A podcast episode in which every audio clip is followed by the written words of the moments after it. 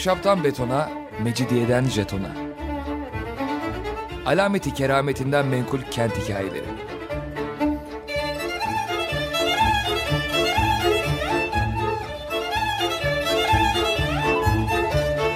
Hazırlayan ve sunan Pınar Erkan.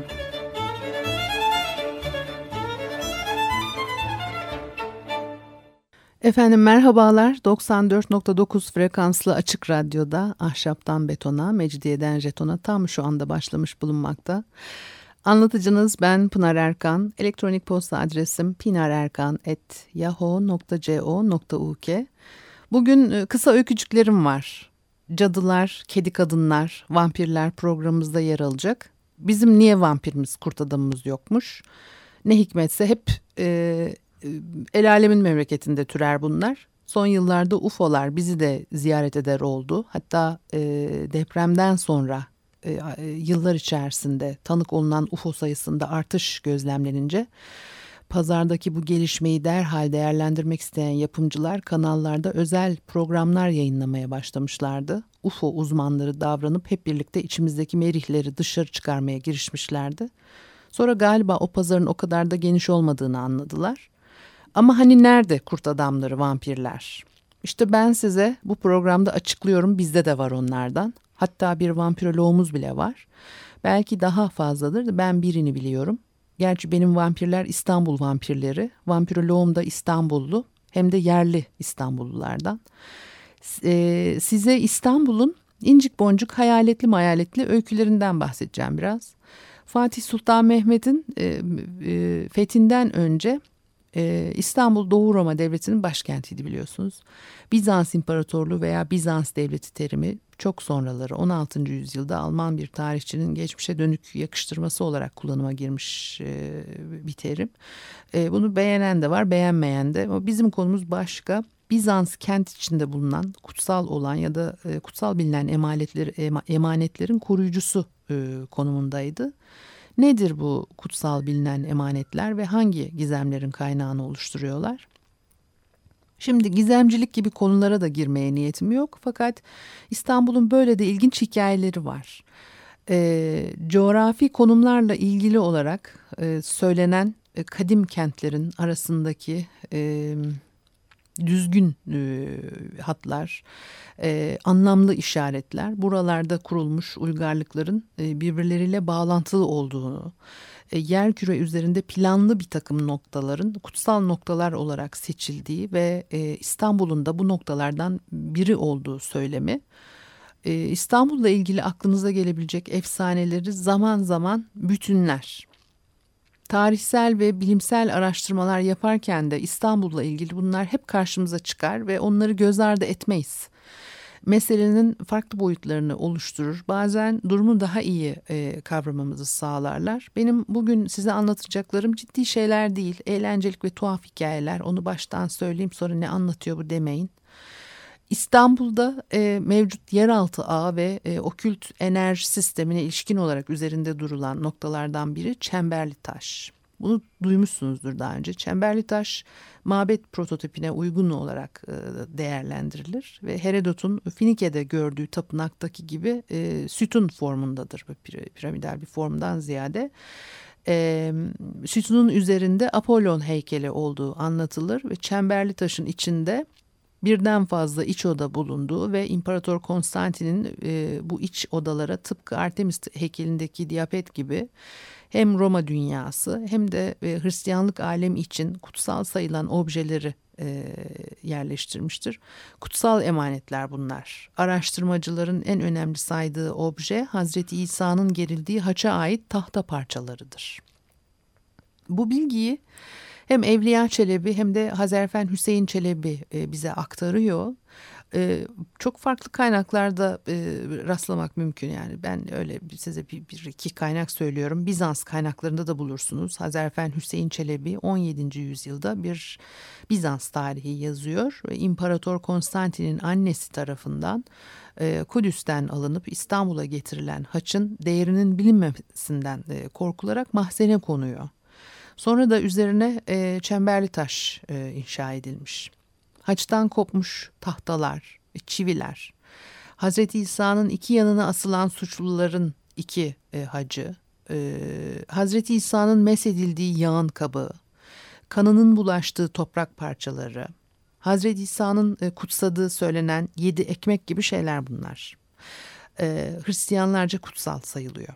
1800'lerde İstanbul'a gelip anılarını yazmış olan Miss Pardo'nun aktardığına göre de Hristiyanlar Çemberli Taş'ın önünden geçerken durup haç çıkarırlarmış. Kutsal emanetlerin e, burada e, e, tutulduğuna ilişkin inançtan e, dolayı. E, bir Alman araştırmacı var Hans Bey, araştırmacı ve bilgin. 1550'lerde İstanbul'u ziyaret etmiş. Yani 16. yüzyılın ortasında gezi notlarını toplamış. Adına da İstanbul ve Anadolu'ya seyahat günlüğü demiş. Hans ilginç şeyler anlatıyor 16. yüzyıl İstanbul, e, İstanbul'uyla ilgili. Düşünün bundan 400 yıl öncesi. Bir adam bir köşeye büyüyecek bir sandık yerleştirmiş. Sandığın içini darıyla doldurmuş. Sonra neredeyse çırılçıplak vaziyette bir örtüye sarılmış ve sandığın içine girmiş. Tabii sandığın içindeki darıya gömülüyor. Sadece başı kalıyor dışarıda. Sonra Türkler bu herifi, e, herif e, e, lafı hikayeyi anlatan bilgine ait bir sözcük. Ben söylemiyorum onu. E, evliya sanıyorlar ve ona yiyecek içecek taşımaya başlıyorlar. Fakirler gece gündüz nöbet tutuyor. Zamanla adam öyle şişmanlamış ki boynu domuz boynuna benzemiş. Yanakları borazancı yanakları gibi tombullaşmış. Padişah bile civardan geçerken ona dua edermiş. Bu bilgin e, kitabının başka bir yerinde başka bir olay aktarıyor. Akbabaların kaybolduğu bir sırada 31 Ağustos'ta ve 14 Eylül'de bir karga gelmiş. Ali Paşa Camii'nin bulunduğu konağın karşısında eski Romalılardan kalma yüksek bir sütun varmış. Onun üstüne konmuş. Acı acı ört, ötmüş. Halk e, bunu çok acayip bulmuş. Hayretler içerisinde kalmış. Bunun nesi acayip diyeceksiniz. Hadi halk şaşırmış bilgin adama yakışıyor mu böyle sıradan bir doğa olayını alıp defterine geçirmek. Ama kendisi tarihsel ve arkeolojik eserlere özel ilgi duyan e, bir araştırmacı ve e, Darılı Evliya'yı halkın saflığını belli etmek için anlatmış. Fakat karganın arkeolojik ve tarihsel bakımdan simgesel anlamını bildiğinde su götürmez. Değişik inançlara göre karga tanrıların habercisidir. Kehanetlerde bulunur yalnızlığın sembolüdür ve ölümün habercisidir. Kargalar hep acı acı öter. Gel gelelim antik gizemciler, kehanet avcıları, kargaların ses sonunda her biri ayrı bir anlam taşıyan 64 değişik sesi ayırmayı bilirlermiş. Hem karga siyahlı ile simyadaki işlerde çürüme adını alan sürecin simgesi. Buna ne diyeceksiniz bakalım. Sütunda e, bir şey simgeliyor. Sütun yaşam ağacıdır bilgidir, yeryüzüyle gökyüzü arasındaki bağlantıdır. Tanrı'nın gücünü belirtir. Yani anlayacağınız evrensel ve tinsel bir simge. Karganın olmadık zamanda gelip bir sütun tepesine konması ve acı acı ötmesi bundan dolayı önem kazanmış. Ee, yazarımız da sıradan olanın olağan görünenin altında yatanı işaret ediyor. Tarih öğrenmenin en hoş ve bir o kadar da sinir bozucu tarafı Sürekli esrarlı durumlarla ve olaylarla karşılaşmaktır. Bazıları eksik veya yanlış aktarımdan dolayı esrarlı bir hal alır. Kimisinin bizim bilmediğimiz fakat zamanda büyük olasılıkla apaçık mantıklı bir nedeni vardır. Kimisi de hakikaten sırdır, gizemini korur. Bunları öğrenmek keyif, sinir bozucu olmalarının nedeni bugünü çok yavan hale getirmeleri, alabildiğince çiğleştiğimiz bu çağda özgün gizemler üretmek son derece zor. Postmodernizmin ve onu takip eden bir sürü saçmalığın nedeni de budur e, kanımca. E, İstanbul'da 16. yüzyılda yaşamış şair Bali Efendi bir gece Piruzali'yi görür rüyasında. Piruzali, Bali Efendi'nin genç yaşta ölmüş bir arkadaşı. Rüyasında ondan bir armağan ister. Piruzali bir kağıda bir toprak koyup şaire verir. Bali Efendi kağıdı sarığının kıvrımına yerleştirir. Rüyada burada son bulur. Ertesi gün e, bu rüyayı arkadaşlarına anlatır. Anlatırken de eliyle hayali kağıdı sarığının kıvrımına koyar. İşte öyle sarığını kurcalayınca içi toprak dolu kağıt parçası eline gelir. Bu tür olayların incelenmesini e, incelemesini yapan ruhçuların ifade ettiğine göre kapalı bir mekana dışarıdan ya da öteki dünyadan madde transferiymiş bu. Özellikle bu değil ama e, yanlış anlaşılmaya sebebiyet vermemek için anlattığım öykülerin İstanbul Ansiklopedisi gibi kayda değer eserlerde ve araştırmalarda yer aldığını söylemek isterim. Elbette ben burada eğlencelik olsun diye anlatıyorum. Aklınıza başka bir şey gelmesin ama bu tür, bu tür hikayeler e, bulacağınız en kıymetli kaynaklardan biri de Reşat Ekrem Koçu'nun İstanbul Ansiklopedisidir. Koleksiyoner malzemesidir. Eskiden satın alınabiliyordu sahaflardan. Artık çok pahalı. Fotokopisini bile galiba e, kıyameti satıyorlarmış. Benim de vardı eskiden okumalara doyamazsınız. Çok üzgünüm onu kaptırdığım için. Çok uzun süre yasını tuttum hala aklıma geldikçe içim yanar. İstanbul'la ilgili hiçbir yerde bulamayacağınız bilgiler, hiçbir yerde okuyamayacağınız detayları orada bulursunuz. Reşat Ekrem Koç'un bütün e, kitapları böyledir. E, bir başka e, zannedersen biraz tüyler ürpertici e, olay şöyle. Beyazıt'ta bilmem hangi mahallenin bilmem ne sokağında bir apartmanın bahçesinde eski ve doldurulmuş bir kuyu varmış. 1970'lerin sonlarında bu kuyudan yardım istercesine bir elin çıktığı defalarca görülmüşmüş.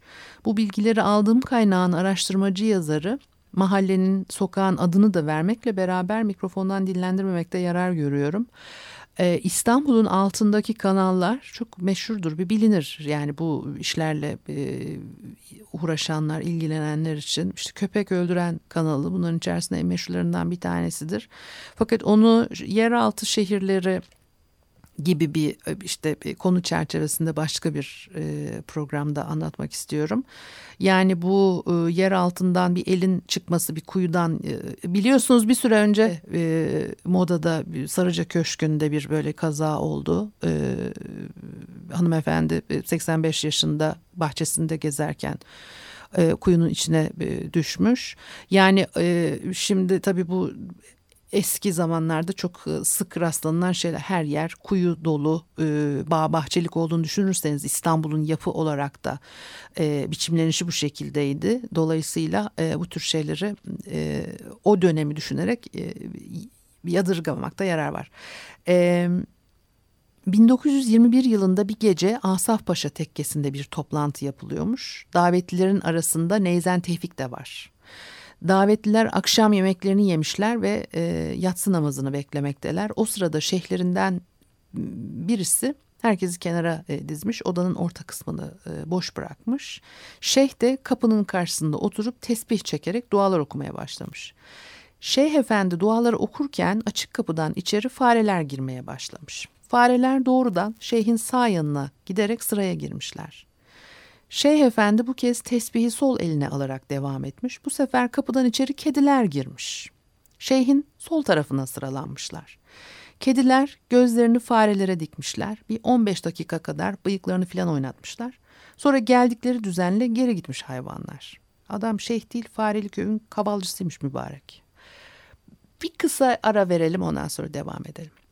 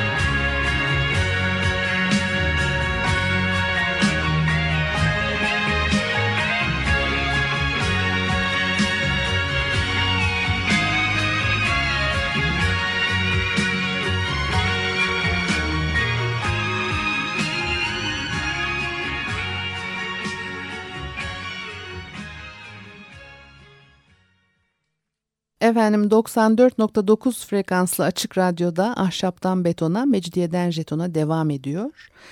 E, cadılardan, e, hayaletli mayaletli hikayelerden e, e, bahsediyordum size.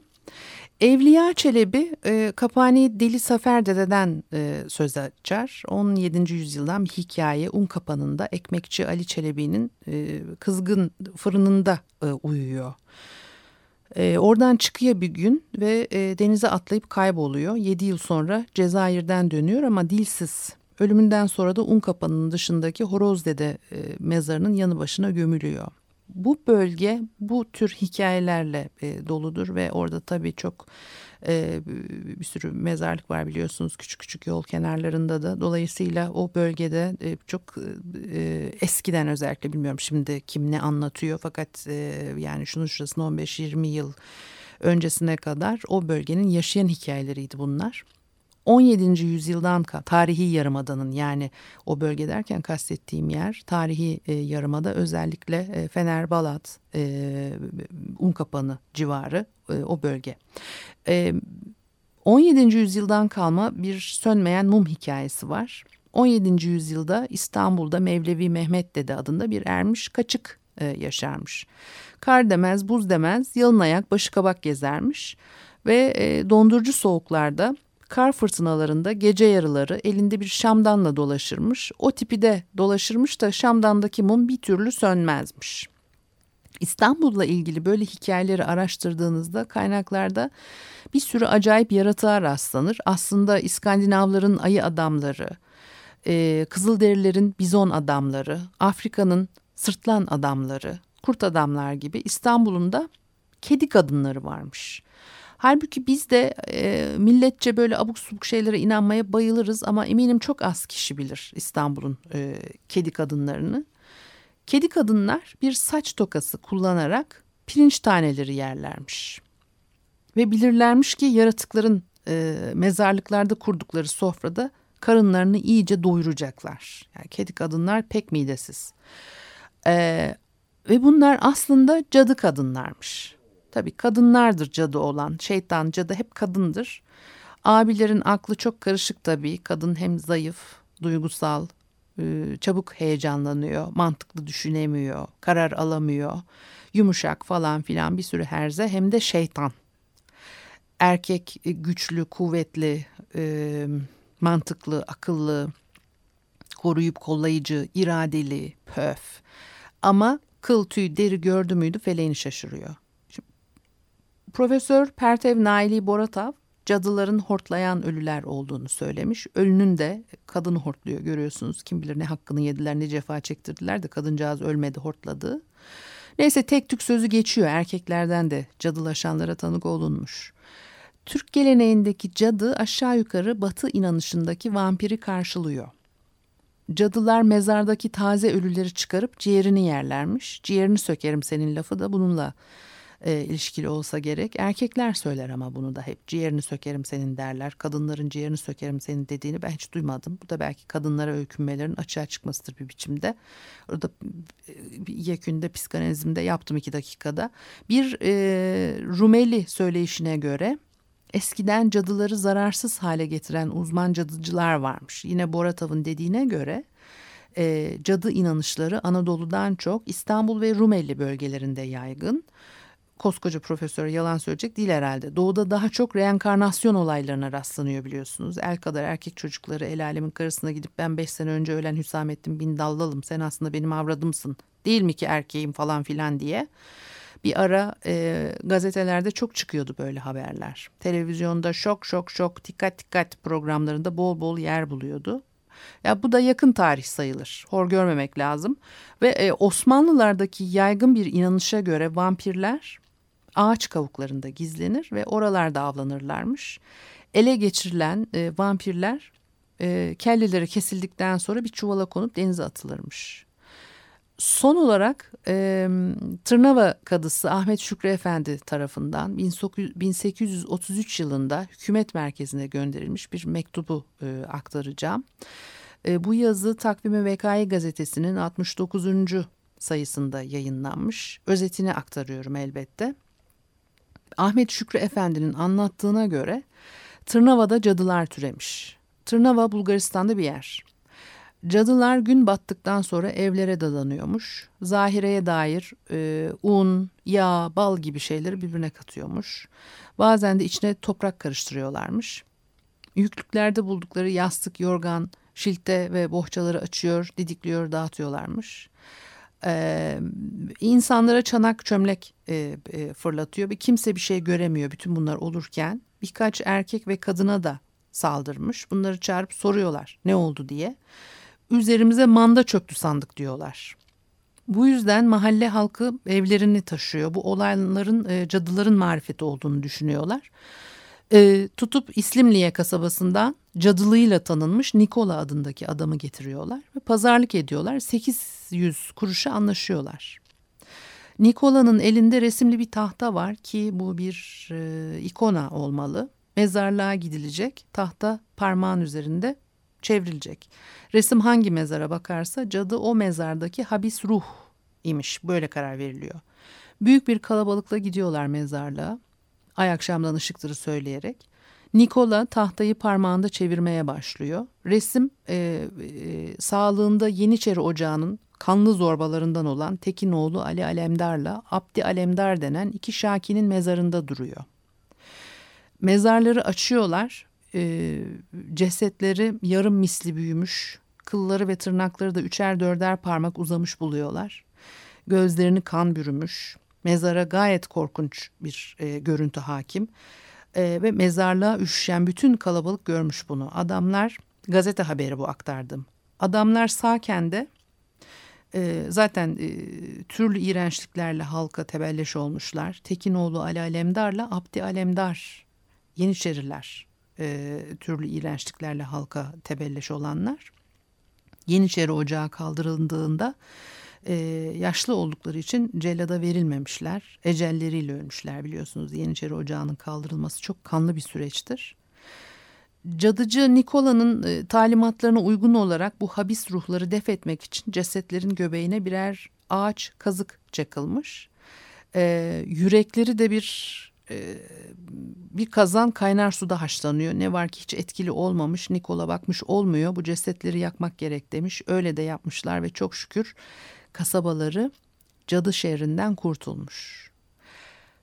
Efendim bu programda burada bitmiş. Bugünlük de bu kadarmış. Ee, elektronik posta adresimi söyleyeyim. pinarerkan.yahoo.co.uk Haftaya görüşmek üzere. Hoşçakalın.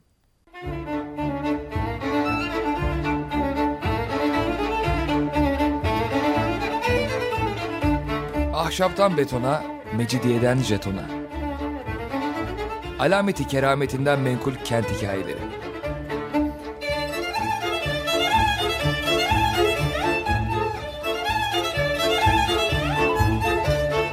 Hazırlayan ve sunan Pınar Erkan.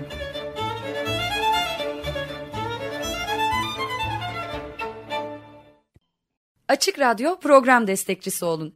Bir veya daha fazla programa destek olmak için 212 alan koduyla 343 41 41